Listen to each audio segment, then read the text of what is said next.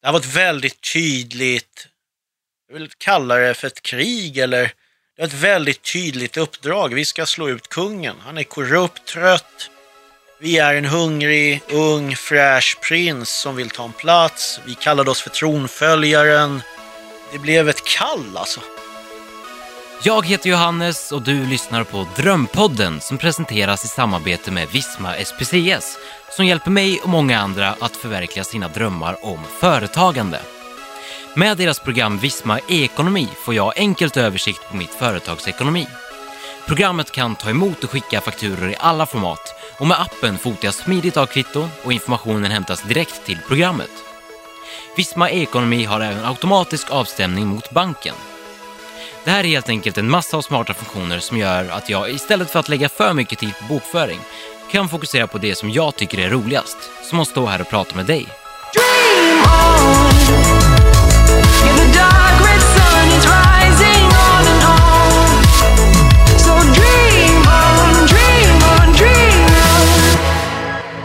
Danny Evanoff är en av Sveriges största serieentreprenörer och han har bland annat byggt sin karriär på godis. Han startade till exempel Godisprinsen år 2005 som tre år senare köptes upp av konkurrenten Karamellkungen som han sen i sin tur köpte upp och sålde vidare till Cloetta. Stämmer. Perfekt. Och du har också varit med i SVT-serien Draknästet som en av drakarna där. Stämmer. Och eh, idag ska vi få höra mer om din karriär och drömmarna som har lett dig hit du är idag. Välkommen!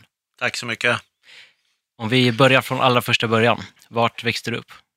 Eh, jag är ursprungligen libanes då, så jag föddes i Beirut. Mitt i kriget. Och eh, min familj flydde ju till Sverige då, på 70-talet. Då. Första åren växte jag upp i Södertälje.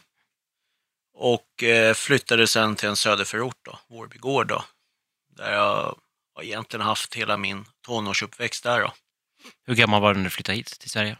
Jag var ju, var ju bara ett år gammal, så jag har ju egentligen inga direkta minnen av Libanon så, i alla fall inte från den här fruktansvärda tiden som var då. Men eh, min familj bär ju med sig det givetvis. Hur var det att växa upp här? I Sverige? Ja. Nej, Men det är egentligen inte så mycket att jämföra med såklart, men eh, det är klart att det var väldigt tufft för min familj. Vi kom ju med tomma händer och vi var ju inte så välbärgade i Libanon heller, så att för oss var det en väldigt stor omställning. På sätt och vis så var det ju mycket som blev bättre också för min familj. Jag menar, fick ju ett bättre välstånd kan man väl säga. Men samtidigt var ju kontrasterna enorma. Allt ifrån väder, kultur och så vidare.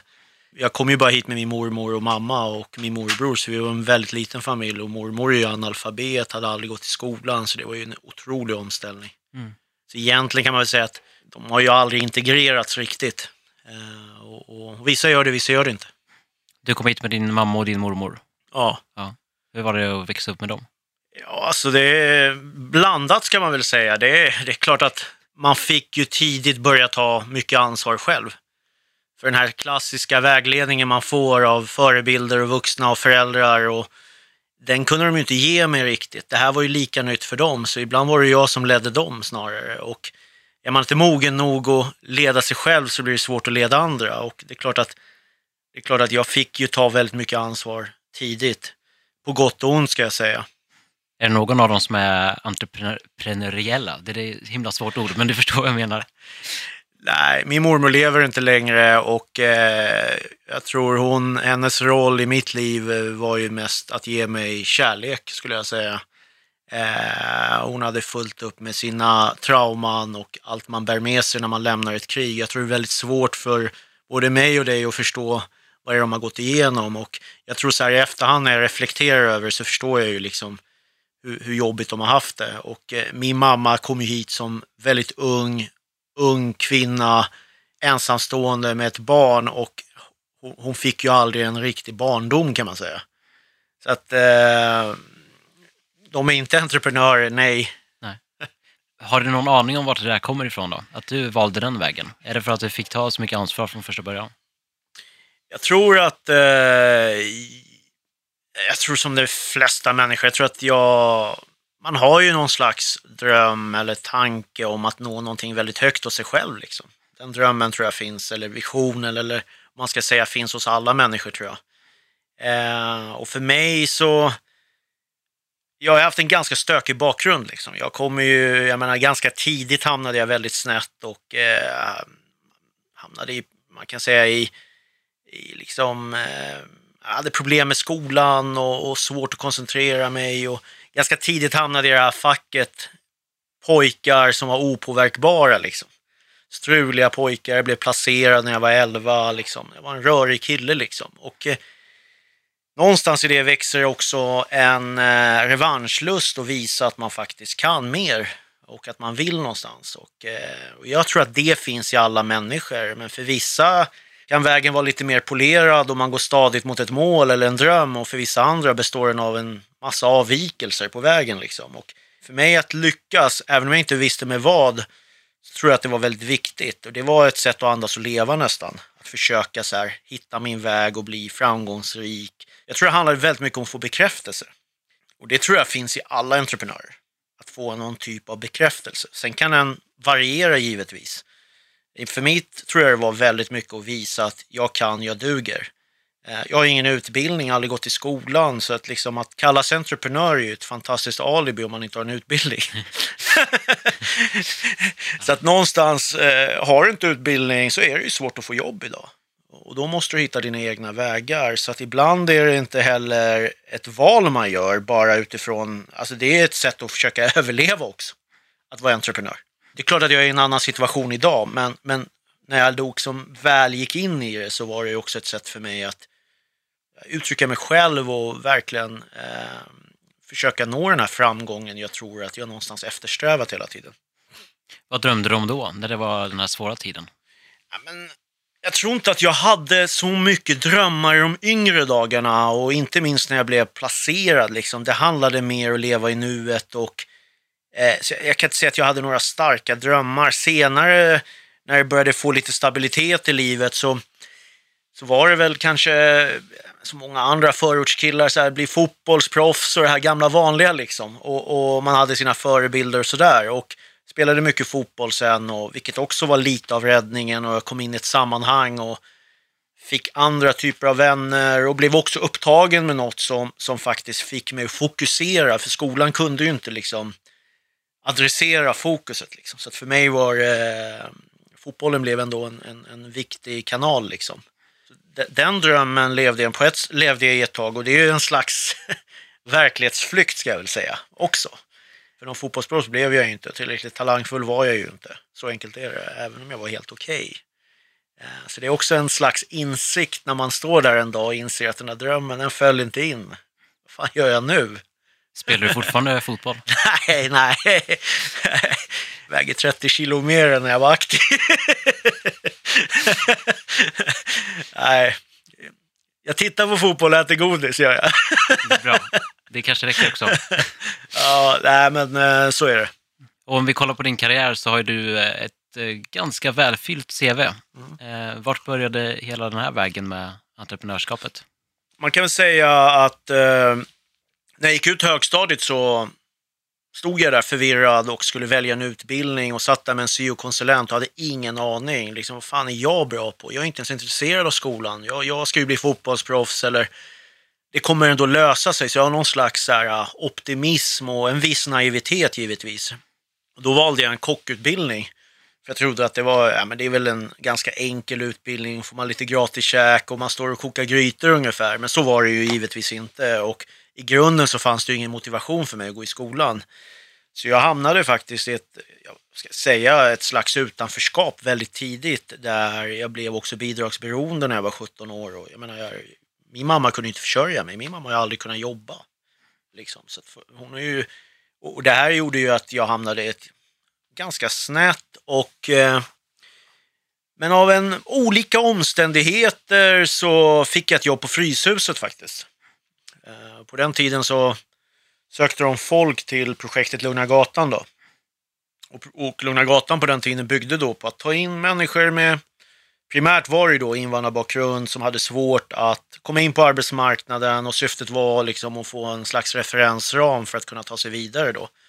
För det är viktigt att få ett första jobb på CVt om man överhuvudtaget ska komma vidare då. Och det var ju tanken då. Och, och där kom jag igång och någonstans så började det gå bättre och bättre och självförtroendet växte. Jag tror att mycket, det handlar väldigt mycket om att liksom tro på sig själv och, och, och, och kanske någon annan som tror på en. Eh, och där så stötte jag på Anders Karlberg då, som grundade Fryshuset. En, en, en fantastisk entreprenör, en social entreprenör. Och eh, fick jobba väldigt nära honom. Och jag tror att det var ett jäkla privilegium för mig. Och eh, i det så såg jag ju och lärde mig att liksom ingenting är omöjligt. Det spelar liksom ingen roll vad man har i bagaget. Ingenting är omöjligt. Du kan lyckas. Anders var ett levande bevis på det. Eh, även om han gick en helt annan väg än vad jag kom att gå så, så, så, så fick jag, jag fick ett ganska stark plattform de åren jag jobbade där. Jag fick liksom vara med, ta mer ansvar, var ute och föreläste och liksom helt plötsligt hamnade jag i centrum. Liksom och, och på något sätt ertappa min egen förmåga. Alltså ibland handlar det om att snubbla över sin talang eller sin förmåga och någonstans tror jag att där så insåg jag att jag är en ganska stark ledare. En väldigt driven ledare. Jag får med mig människor och jag lyckas strategiskt, analytiskt se vad som komma skall och vad jag måste göra för att ta mig dit. Korta och långa steg så att säga. Och de här åren var otroligt lärorika för mig. Och där så byggdes det här fundamentet och det som senare gjorde att jag vågade gå ut i det okända. Det vill säga utanför anställningstryggheten och hela den, det ramverket och bli egen entreprenör. Jag menar på den tiden med de idéerna jag hade, det var ju inte så att man fick en massa riskkapital eller något, utan det var ju bara att tömma bankkontot och ut och köra. Så det var ju tuffa tag liksom. Och jag hade precis då jobbat sex år, jag hade det här samtalet med Anders och jag sa till honom, "Men, Anders, jag måste tyvärr vidare. Jag, jag, jag står inte ut med att höra mig själv och prata om samma sak längre och så vidare. Utan jag måste hitta min väg, jag vill göra min grej. Eh, Jag vill starta eget företag och, och det, är min, det är min stora dröm liksom. Och, ja, och vad ska du göra? Äh, tills vidare så att jag, jag startar någon konsultlåda och kör lite själv bara, lär mig liksom ta lite uppdrag där jag är en egen företagare. sådär. Men ganska snabbt så blev det sen faktiskt en affärsidé som jag då kom på. Uh, och då hade jag precis gift mig med min nuvarande fru som jag faktiskt hållit ihop över 17 år.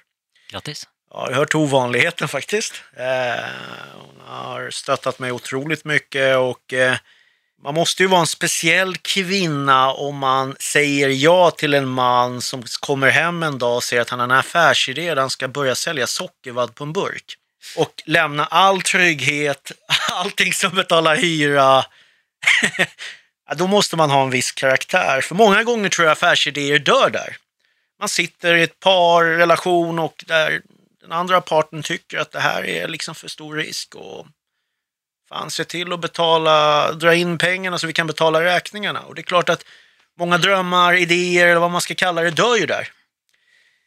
Eh, men hon, eh, hon är av eh, annat skrot och korn, så hon, hon, hon stöttade faktiskt mig och sa att det är bara att köra. Om det är det här du tror på och det här du vill, så gör det. Jag tyckte till och med idén lät helt okej.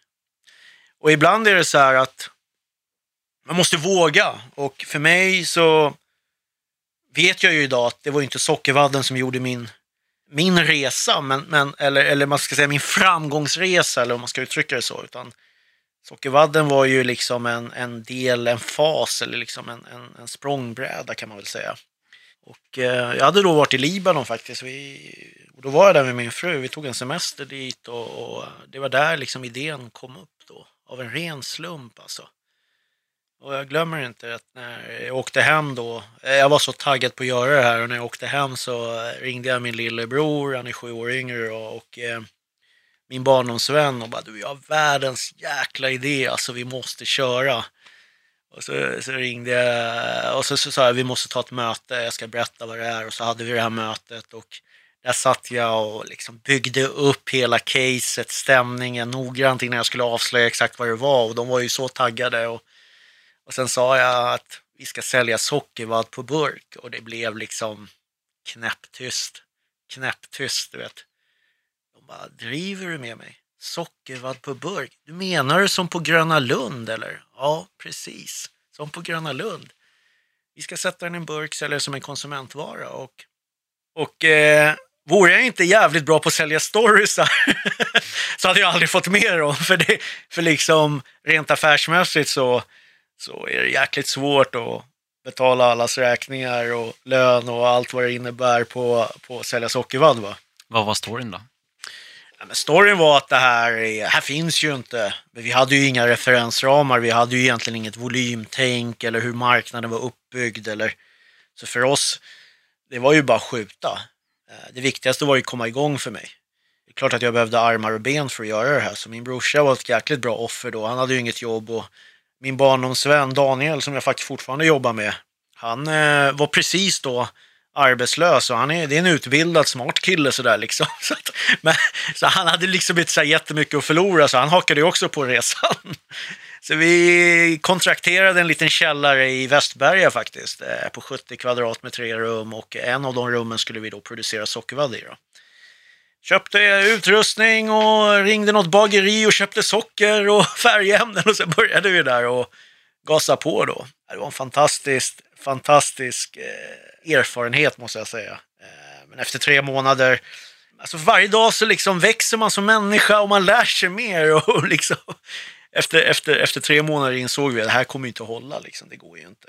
Och faktum var att vi började få faktiskt massa order från handeln. Vi kunde inte leverera från en liten källare i ett bostadshus liksom, som inte var livsmedelsgodkänd. Och grannarna började klaga och det luktade ju socker i hela kåken, det hade gått upp i ventilationen. Vet du, så de behövde ju knappt liksom baka sockerkaka längre. De fick, de fick det gratis. Nej men du vet, det vart, det vart liksom fel. Eh, första gången vi fick leverans av eh, socker, vi kunde inte ens få in pallen i. Du vet, det var, allting var fel. Ingen, vi hade inte ett rätt. Det vi hade rätt var i alla fall att kunderna tyckte det här var lite originellt och att det var nästan lite charmigt att ringa ett litet företag och det enda de säljer är lite sockervadd på burk. Och någonstans tror jag att där byggde vi lite vårt varumärke och, och sådär. Och, eh, men sen en dag så kom jag in till kontoret och då hade vi fått en jätteorder från en kund och, och då, då fattade jag att det här går ju liksom inte. Jag måste agera nu annars kommer vi få stänga igen där. Så det var ju ett delikat problem men, men någonstans måste det här lösas och du, du måste ha den inställningen som människa, entreprenör att, att snabbt hitta lösningar och, eh, och ibland krävs det väldigt radikala lösningar. Det var då jag brände ner till Bulgarien då. Försökte hitta någon legotillverkare. Egentligen hittade jag honom genom en mässa men sen brände jag ner dit för att liksom förhandla skarpt och försöka lösa det här. Då. Och det här är en av dina väldigt roliga historier som du delar med dig av på bland annat LinkedIn. Ja, den, den, den jag delat med mig. Grejen är, jag var ju där flera gånger och härjade med den här italienaren då. Otroligt speciell herre. Jäkla entreprenör. Han ägde halva den här staden. Plovdiv heter staden utanför Sofia. Då. Jag var ju där flera gånger. Första resan, det var ju, det var ju också tumultartat. Alla, alla, alla möten med den här mannen var tumultartade. Och, och han hade ett jäkla temperament. Och så här, napolitanare var han som bodde i Bulgarien. Så det var ju så här. Men han, hade då, han kunde legotillverka åt oss, vilket han då började göra. Och det här löste jag jäkligt snabbt. Och samtidigt fick jag ju hålla kunderna happy med att förklara att eh, vi har ganska mycket nu och kan vi skjuta på leveransen och sådär, bara för att liksom inte tappa affären någonstans. Men vi löste det och bulgaren han levererade eh, varor. Och sen åkte jag ju ner för att förhandla med honom. Började liksom få upp lite volym. Kom upp lastbil efter lastbil så här. Och då tyckte jag så här, men nu ska jag ha ett bättre pris. Jag åkte ju ner för att förhandla med honom. Det gick ju ingen vidare. Och den här historien på LinkedIn handlar väldigt mycket om hur en kvinna helt plötsligt kommer in mitt under mötet. Det här var en ganska, han, han, en korpulent herre liksom. Han gillade att äta och jag vet inte fan om, om, om, han, om hans energinivå alltid gick ner väldigt mycket. Så hon kom fasen in och matade honom på det här mötet. Jag har aldrig sett någon, alltså du vet, det var helt sjukt. Och, eh, men det mötet slutade ju med att vi gick skilda vägar sen och det här ledde sen till att jag ringde en annan barndomsvän faktiskt och eh, åkte sen till Polen och satte upp eh, Sockervallsfabrik där. Vi köpte en nedlagd läskfabrik och eh, möblerade om hela den och eh, började producera sockervadd där, vilket vi gör än idag faktiskt i den fabriken. Det är ganska fascinerande och eh, då började vi slussa varor därifrån till våra kunder och började exportera och sådär.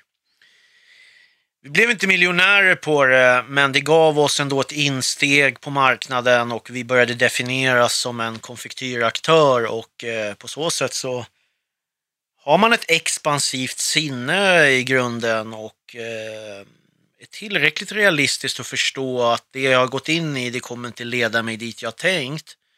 Men eh, jag måste agera, jag måste bredda, jag måste göra någonting annat. Då tror jag att eh, man agerar som vi gjorde då. Började göra andra saker och eh, det gjorde vi då. Eh, började importera rena konfektyrprodukter från olika producenter i Europa och så, sålde då i handeln. För att få ihop allting då. Och det här var 2005 och vi omsatte en 10 miljoner då på sockervadd och lite annat krimskram som vi importerade då. Och det här företaget kallades Godisprinsen, stämmer det? Nej, utan eh, det här var det här var vår importfirma kan man säga.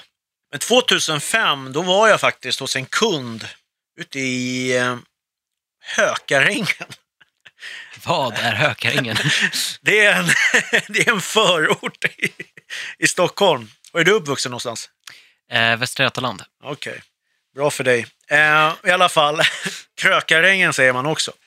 Förr sa man det i alla fall. Eh, och eh, där var jag ute hos en kund och skulle sälja på en lite sockervadd och eh, annat då som jag hade i portföljen då. Och eh, då satt vi och pratade och då hade han precis haft ett möte med Karamellkungen då. Och efter det så var det min tur att komma in då. Man stod lite i kö där så här. Så kom jag in där och vi hade ett bra snack och så här. Och då var han lite förbannad på Karamellkungen då. Eh, Så här, och vilket han gav uttryck för i mötet med mig då. Och då sa han faktiskt på skoj så här, du, du borde utmana dem, fan, de behöver lite konkurrens. Säger han bara liksom sådär, mitt i allting. Lite med glimten i ögat och jag är ju så naiv så jag förstår inte att han skämtar så jag åker ju hem och börjar fila på det här på fullt allvar. Då.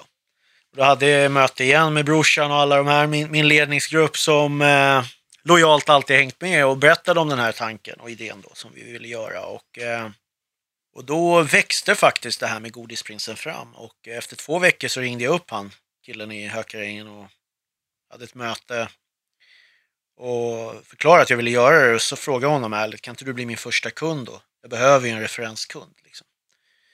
Då vart han lite nervös, han "Men fan det var ju ett skämt. Så. Han bara, Åh, men, men jag tror att vi kan göra det. Och du, du, du gillar ju att utmana, så låt oss nu försöka utmana dem här. Du får bli min första kund och jag lovar att jag kommer leverera. Oftast är ju liksom rädslan man har när det kommer en sån här ny aktör, inget kapital och erfarenhet. Fan, kommer han leverera? Jag kan inte ha tomma byttor här sen liksom. Då har jag liksom bytt leverantör och på den tiden hade ju Karamellkungen ett, nästan till ett ofrivilligt monopol liksom på marknaden. Så att det var, alltså han hade ju inte råd att misslyckas men han vågade tro på mig faktiskt. Eh, och så kom faktiskt Godisprinsen igång och det var 2005. Och givetvis så valde vi ju namnet för att, det var ju en ren blinkning till ledan som då heter Karamellkungen då. Att det, det fanns en prins då som var jäkligt besviken på sin far konungen då. Vi byggde faktiskt en story runt det där och vi var otroligt, ska jag erkänna, aggressiva i vår marknadsföring och det där tror jag hänger ihop lite med den bakgrund och personligheter vi var i det här bolaget liksom och eh, vår approach rent generellt och vi, vi stack ut och byggde den här storyn och den gick hem hos kunderna liksom. Alltså kunderna gillade det vi gjorde, det vi stod för. Det här tog riktig jävla fart kan man säga det fanns ett vakuum liksom som vi hittade och eh, vi hittade vårt sätt att göra det på och bolaget gick ju då från 0 till 225 miljoner där på tre år. 2008 då när vi sålde bolaget till slut till just Karamellkungen så hade vi en rulltolvsförsäljning på 320 miljoner. Vi var 180 anställda. Och det är nästan som man inte hinner reflektera över så kort tid. Det går så jäkla fort tre år, när du är mitt i hettan och kör ett bolag va, som vi gjorde. Så du hinner liksom inte tänka till knappt. Eh, det är nästan så här när jag sitter idag och funderar över det som jag förstår insatsen bakom det. Vi var ju ett gäng invandrarkillar liksom som klev in i en, jag måste säga en ganska konservativ marknad ändå. Som har drivits av stora aktörer inom, inom livsmedel. Och det är klart att eh, det, var ju inte lätt för oss att göra det här. Och många, det har ju varit lite av en gravplats för misslyckade entreprenörer som har försökt göra det här innan. Så vi visste ju någonstans att det här var ett självmordsprojekt. Vi trodde på oss själva och vi, var, vi såg ju inte hindren för vi saknade erfarenhet. Ibland är det så här, har du inte den erfarenheten då ser du inte alla hinder heller. Du vågar liksom möta det okända. Och, och det gjorde vi. Eh, och när hindren kom hade vi en enorm förmåga att liksom lösa problemen och, och, och hitta vår väg eh, för att nå just den enskilda framgången då som krävdes. Det här var en otrolig styrka vi hade och, och vi fick en vi fick en otroligt lojal skara människor som trodde på vår mission liksom. Det här var ett väldigt tydligt, jag vill kalla det för ett krig eller det var ett väldigt tydligt uppdrag. Vi ska slå ut kungen. Han är korrupt, trött. Vi är en hungrig, ung, fräsch prins som vill ta en plats. Vi kallade oss för tronföljaren. Det blev ett kall alltså. Det blev liksom, det blev, det blev alltså, det, det, det, det blev så otroligt emotionellt det här för oss som drev det. Det fanns inget annat Det än att fanns, lyckas. Ja, det fanns inget annat.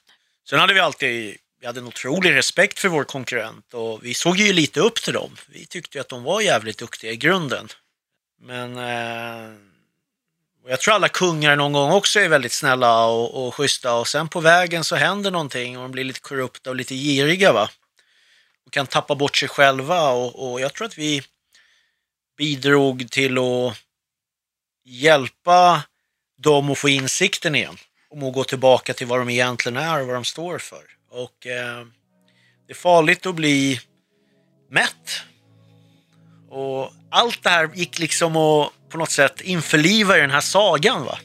Det, det, det, det är som att läsa en saga om, om, om ett kungarike med en trött korrupt kung. Eh, så det var, det var ganska festligt.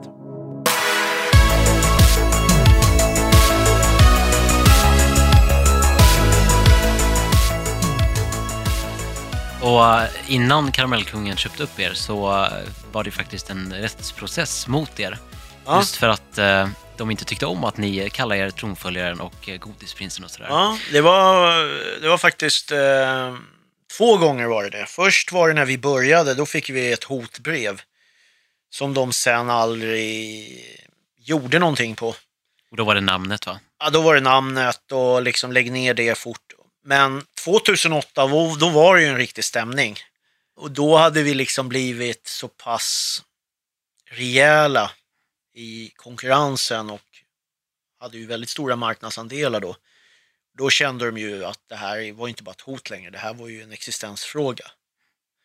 Eh, och då kom faktiskt en riktig stämning eh, just på namnet och eh, ja, renommésnyltningen då som de tyckte att vi gjorde det, körde på då.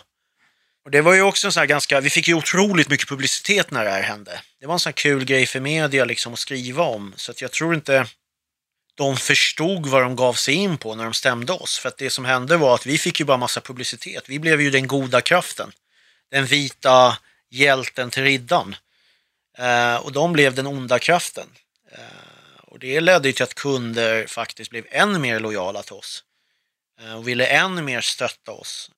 Jag tror inte man har gjort sin läxa ordentligt när man försöker stämma en entreprenör som i sin tur lever till att sälja till andra entreprenörer. För jag menar ICA då, som var en av våra största kunder då, det, är ju, det drivs av duktiga, härliga entreprenörer.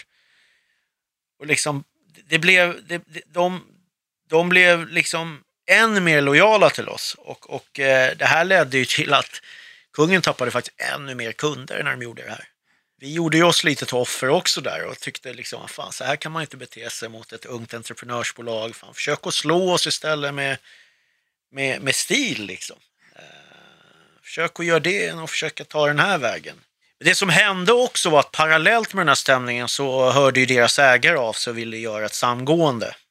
Så det här ledde ju då till att eh, parallellt med den där stämningen och hela den historien pågick så diskuterade vi, jag då, ett samgående också. Så det var lite lustigt. Så att ledningen visste inte att jag diskuterade ett samgående med deras ägare. Så att det blev en liten, liten lustig situation måste jag säga. Och då när du blev uppköpt där så Mm. fick du, du jobbade kvar i bolaget fast Karamellkungen då istället. Mm. Och blev vice vd. Ja, först eh, var jag ju vice vd då. Och eh, jag hade ju, jag har ju ingen erfarenhet att jobba i en corporate-miljö. Det här var ett bolag som omsatte 1,6-1,7 miljarder i hela Europa då. För det finns ju inte, fanns ju inte bara i Sverige då. Liksom. Det var ju över tusen anställda, så för mig, för mig var det här en otrolig, otrolig skola liksom att komma in då. Dels att integrera två bolag där man har varit världens antagonister liksom och fightats på marknaden. Och, så det, det, det är liksom att lära två bolag som har avskytt varandra till att älska varandra, det, det är en jävligt tuff utmaning. Frågan om den, har, om den någonsin löstes ens. Var det jobbigt i korridorerna att möta liksom, folk från Karamellkungen? Alltså grejen är att eh, jag fick ju första dagen var det jag som kom dit själv bara. Eh, tog inte med mig alla prinsar då första dagen. Jag klev in där själv första dagen. Så det är klart att jag... eh, Det, det var lite... Jag tror att de... Det var väldigt... Det kändes nästan onormalt för dem. Det, det känd, eller normalt, det är klart att det var onormalt, men det kändes väldigt lustigt. Eh, och för mig med liksom. Men eh, det där ganska snabbt så fann vi varandra ändå tycker jag. Eh, och gjorde då den här integrationen och sammanslagningen. Då. Och sen eh, jobbade jag ju där under fem år då fram till 2013 och eh, jobbade med bolagets expansion på olika marknader och tyckte vi hade en väldigt framgångsrika år där, där jag satt i deras koncernledning och så vidare. Då. Eh, Men 2013 lämnade jag bolaget då. Och sen så gick det inte så bra för Karamellkungen. Var det på grund av att du lämnade eller?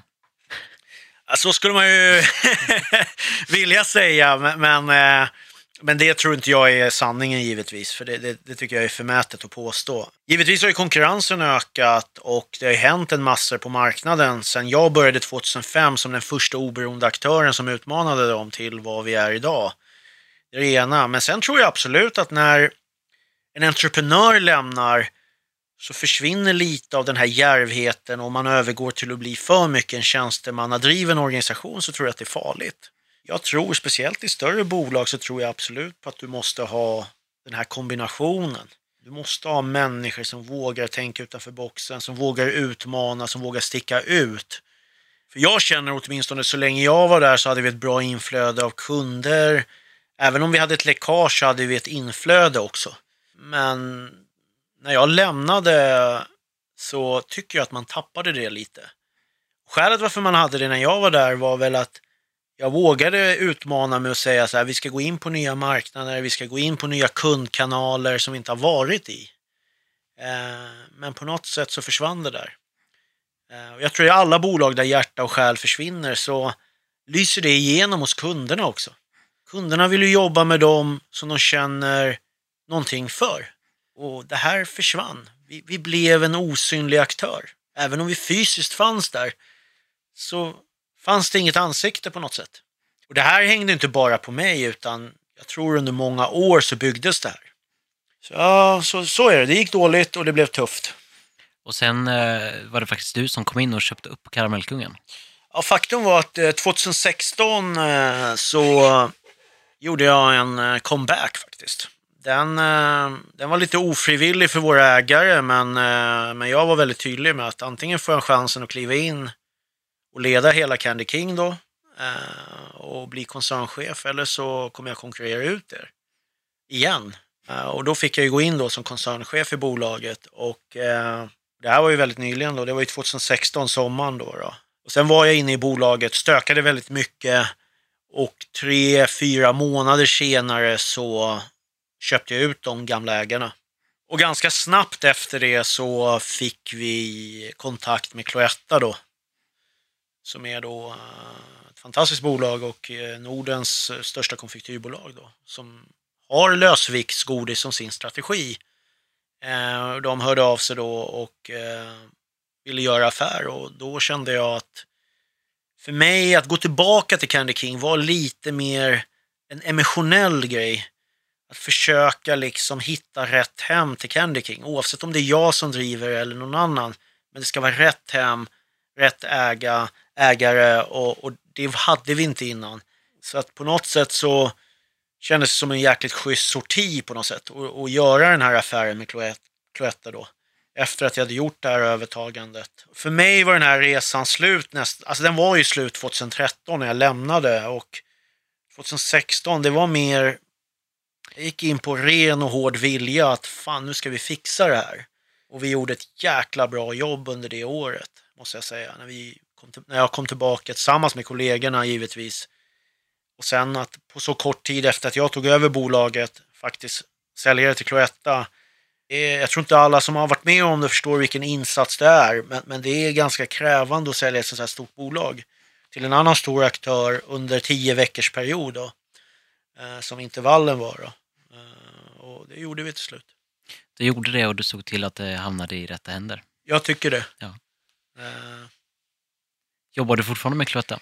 Ja, jag, är, jag har varit med i hela integrationsprocessen sedan februari 2017 då vi kommunicerade förvärvet.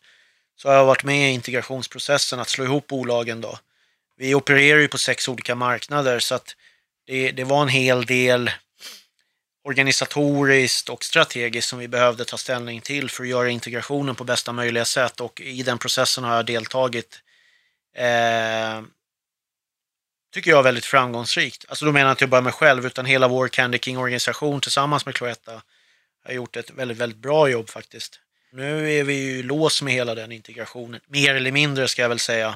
En eh, entreprenör sover väl aldrig, eh, utan har väl alltid något annat på gång. Så jag har bland annat haft eh, Honeycomb Ja, och eh, lite andra, en pizzakedja och sådär också. ja men eh, de, de eh, tillhör lite av mina sämre projekt ska jag säga, som det inte har gått som jag har tänkt mig. Och det är ju så här med entreprenörskap att man gasar på och man gör saker. Ibland går det bra, ibland går det mindre bra. Och jag tror att jag har samlat en hel del kunskap och erfarenhet under de här åren eh, kring att identifiera lite mer vad jag faktiskt är bra på och vad jag ska göra. Jag står lite inför en sån fas nu i livet. Eh, jag är 41 år nu och, och har lite andra nya visioner för vad jag vill göra med min framtid. Vad eh, vill du göra då? Jag menar, vi är ju på en drömpodd nu, eller hur? Och vi- vi ska prata om drömmar tänkte jag. Och jag menar, jag har haft länge en dröm som faktiskt fick lite av ett eh, lite av ett abrupt hinder ska man väl säga efter att jag lämnade 2013. Eh, just för att jag var fortfarande väldigt exponerad i Candy King och så vidare. Och jag behövde komma tillbaka 2016 igen och göra den resan för att få ja, men lite mission complete, du vet.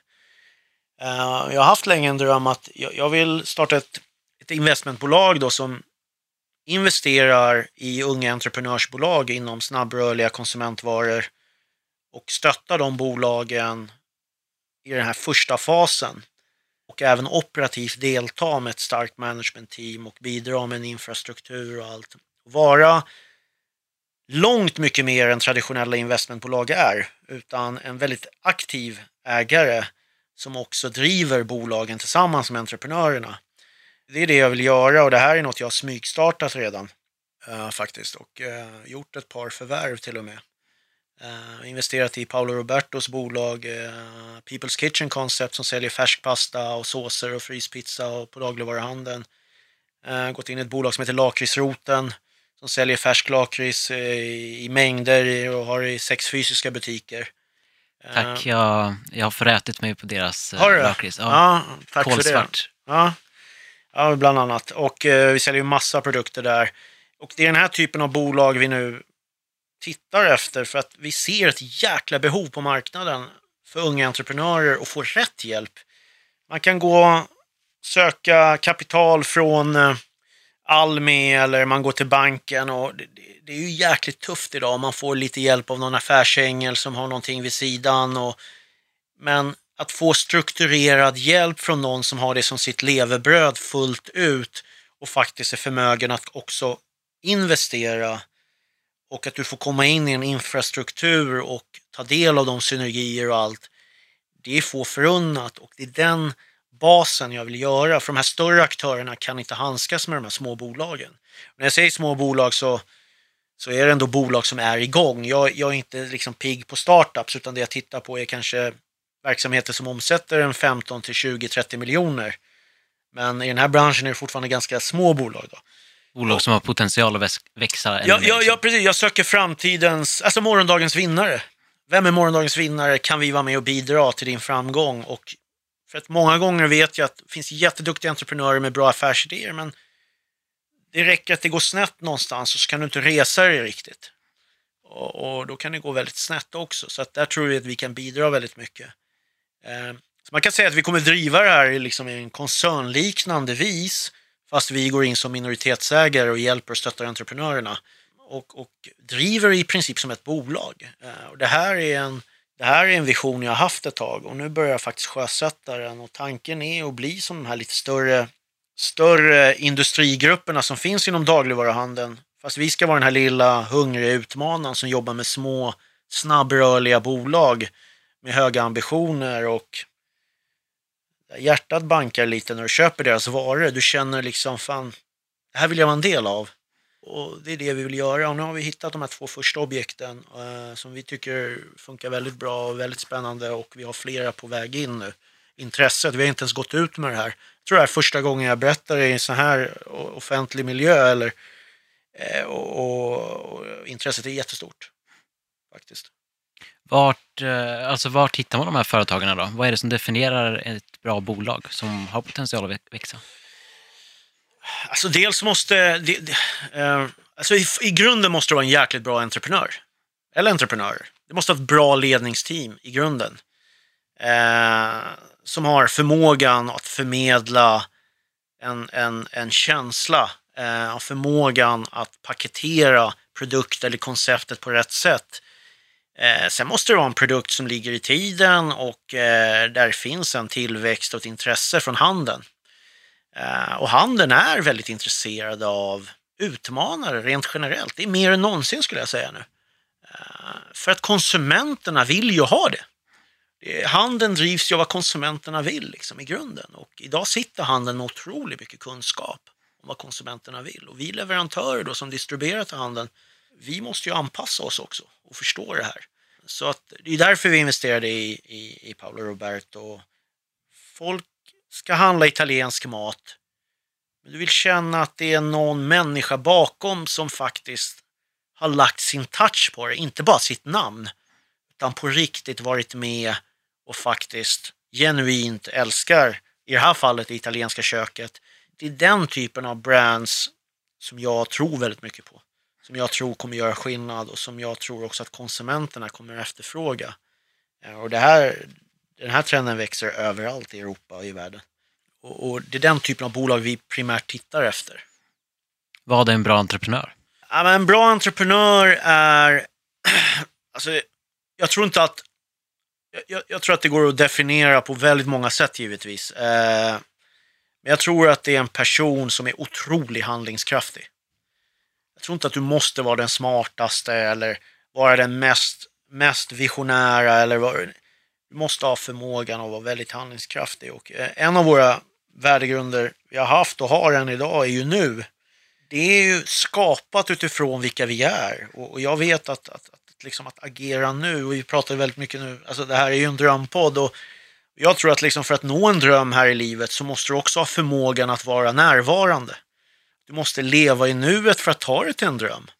Du måste ta steg för steg för att nå din dröm. För annars blir drömmen bara en verklighetsflykt. Eh, och, och bara leva i en dröm men inte ta tag i något, det är ju livsfarligt också. Så att jag tror en duktig entreprenör har en förmåga att agera i nuet och hela tiden vara handlingskraftig och se till att få saker gjort. Och det har varit, det har varit en av, tror jag, mina styrkor att, att alltid lära mig prioritera rätt. Och i grunden handlar det om att prioritera det som genererar någonting. Eh, oavsett om det är en rekrytering eller en affärsmöjlighet eller vad det nu är, så välja det som genererar någonting och, som, och lära sig den prioriteringen. Det är inte alltid lätt, men det här är en övning hela tiden. Liksom. Att jobba med det. I en intervju som jag läste med dig så skickade du alltså, efter att ha fått ett argt samtal från en kund som inte hade fått sin leverans, så skickade du godis i en taxi från Stockholm till Sundsvall. Ja. Och det grundar sig i den här värderingen nu. Uh, och det här implementerade vi väldigt tidigt i vår organisation. Lärde personal, ledning och alla att vi lever efter våra värderingar. Och det här är ett väldigt bra och praktiskt exempel på hur du kan tillämpa en värdering uh, i vardagen. Liksom. För jag, jag, jag vill skapa värderingar utifrån det jag står för och vad jag faktiskt är. Eh, och då måste du också kunna tillämpa det. Du kan inte bara ha vackra grejer på väggen. Du måste kunna leva dina värderingar också. Eh, och den här just värderingen nu som var då vår fjärde, den blev väldigt extern. va. Eh, och det här såg ju kunderna till slut och det blev också lite av vår framgång faktiskt. Kunderna visste till slut att det här är ett företag som aldrig kommer svika. De kommer hjälpa oss även när de sabbar till det. De kommer ta ansvar. Eh, och eh, det där är, ett, det här är bara ett av många exempel där vi då agerade. Jag ringde en förbannad kund och satt vi där och funderade. Vad fan gör vi? Vi beställer en taxi, bränner upp till Sundsvall med den. Kostar skjortan. Vi hade världens gladaste kund som givetvis skulle berätta den här historien till andra. Och det genererade ju kunder. Alltså det, det är liksom... Och nu sitter vi och pratar om den också. Nu sitter vi och pratar om det. Välinvesterad taxiresa. Väl investerad. Den bästa taxiresan. Den, den mest lönsamma, men dyrast. Som man inte ens själv fick vara en del av. Du fick inte ens sitta i bilen. Ja, det är fantastiskt. Hur eh, ser en vanlig arbetsdag ut nu för tiden? Jag är ju i en väldigt skapande fas just nu. Så att eh, jag bygger ju igen nu. Så att eh, min hjärna går på högvarv faktiskt. Och det är högt och det är lågt. Och jag tittar på mycket nya investeringar, träffar entreprenörer. Eh, jag håller på att sätta upp ramverket för hela Evanoff Group då, som den här lilla industrigruppen ska heta. Alla detaljer är väldigt viktiga för mig. Och det är inte för att ge sken av någonting, utan det är mer för att för mig är det väldigt viktigt att det vi står för, det vi vill göra, verkligen kommuniceras på rätt sätt. För att när en entreprenör eller ett bolag ansluter till oss nu och ska jobba med oss, då ska de känna att de har kommit hem. Liksom. Och det är liksom min otroligt starka drivkraft just nu. Och vi har tagit fram vår vision, det här med vår vision att växa varje dag. Det kommer vara vår vision. Vi, vi vill liksom utveckla oss själva och vi vill också då genom det utveckla entreprenörerna. För utvecklar vi entreprenörerna är vi övertygade om att det kommer också utveckla våra affärer och generera goda affärer för oss och våra entreprenörer. Du vet den här känslan när du vaknar imorgon och skrattar åt den du var igår. Hur fan tänkte jag igår? Ja, men jag är så mycket klokare idag. Den visionen jobbar vi efter nu.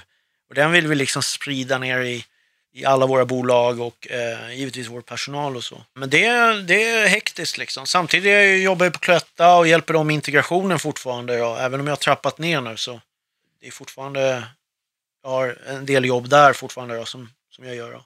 Vad är det som driver dig framåt genom allt hårt jobb? Eh, alltså jag känner så här, jag har inte längre samma extrema behov att jag måste tjäna så här mycket pengar. Eh, det finns en del saker i livet som jag känner att jag har bevisat för mig själv och för andra. Det som är viktigt för mig är att ha jäkligt roligt och leva det liv som jag alltid vill leva och se till att exekvera på det. Alltså att egentligen vara lite kompromisslös med att göra fel saker. Man lägger för mycket tid och energi på saker man inte är bra på eller egentligen brinner för. Jag tror att man måste vara väldigt ärlig mot sig själv. Jag vet att det här kan låta som ett lyxproblem, men det är faktiskt inte det. Att man då kan välja och vraka och så. Det är inte, inte det det handlar om, utan för mig handlar det om att fullt ut göra det jag tycker om och brinner. Just nu känner jag att jag är i en fas i livet där jag vill förena det här äh, företagandet med att ge någonting tillbaka. Och det, det, det är den här konsten att kunna förena det. För jag vill fortfarande vara entreprenör, jag vill göra affärer. Jag tycker det finns en spännande drivkraft i allt det. Äh, att se någonting växa, förändras och eh, successivt generera pengar. Men också se det man har skapat faktiskt växa och bli en framgång. Det, det, är, en, det, är, en, det är en otrolig tillfredsställelse i det. Den är, den är nästan till obeskrivlig faktiskt. Och, och den drivkraften kommer nog eh, liksom aldrig försvinna tror jag. Är du nöjd med var du är idag? Jag är faktiskt eh, jag är nöjd just av den anledningen att jag har förmånen att göra det jag genuint brinner för.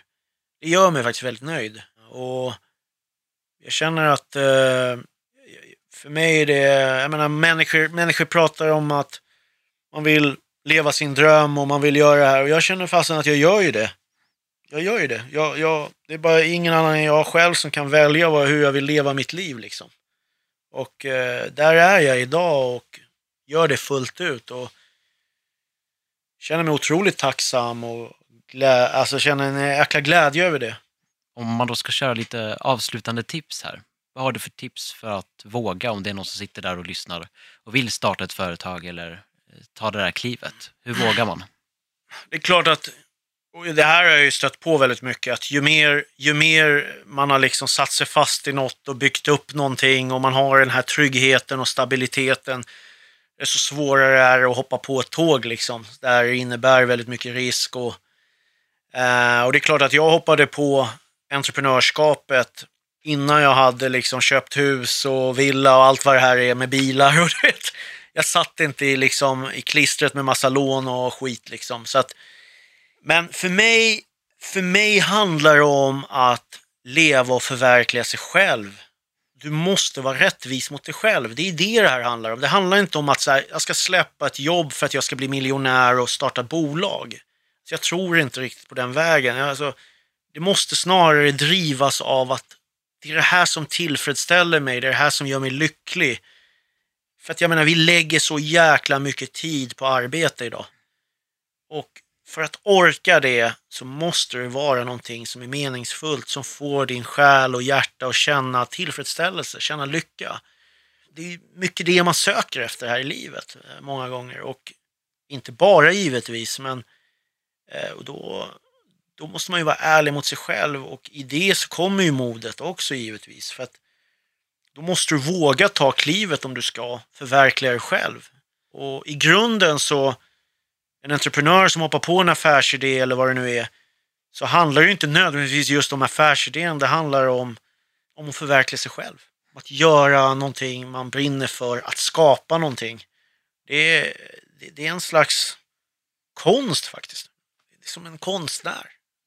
Eh, entreprenörer är ju konstnärer egentligen. Skapa förutsättningar och sammanhang för människor och det så egentligen, jag, jag gillar ju inte att ge tips liksom för att allting är väldigt individuellt i grunden. Alla vi står inför olika vägskäl och vi har olika anledningar till de val vi tar här i livet. Så att det finns liksom inga riktiga så här, gör så här så når du en framgång. I grunden handlar, är det väldigt individuellt. Men, men man måste våga tro på sig själv och våga sortera bort allt skit man hör utifrån. För jag menar, hade jag lyssnat på alla goda tips jag hade fått, då hade jag aldrig startat där. Jag menar, alla sa ju liksom, alla sa ju till mig, hur, fan har du tänkt? Du kommer att vara begravd om ett år. Du har inte en chans liksom. De har ju muskler, de har pengar, de har liksom kunskap och allt. Du, man, måste ju, man måste ju våga utmana sig själv liksom. Och våga ta det klivet. Eh, så att. Jag hoppas att du har övertygat någon. Det hoppas jag också. Och eh, världen är full av möjligheter. Jag brukar säga det, vad är det värsta som kan hända i Sverige liksom? Det är ett kanonbra land liksom. Det värsta som kan hända är att det går åt helvete. Ja, Men det löser sig oftast också. ja det är bara inga sociala liksom. Exakt. Käka fläskkotlett ett tag. Eller nudlar. Eller nudlar. Tack så mycket för att du ville komma hit. Tack så mycket. Det var jättetrevligt. Dream on.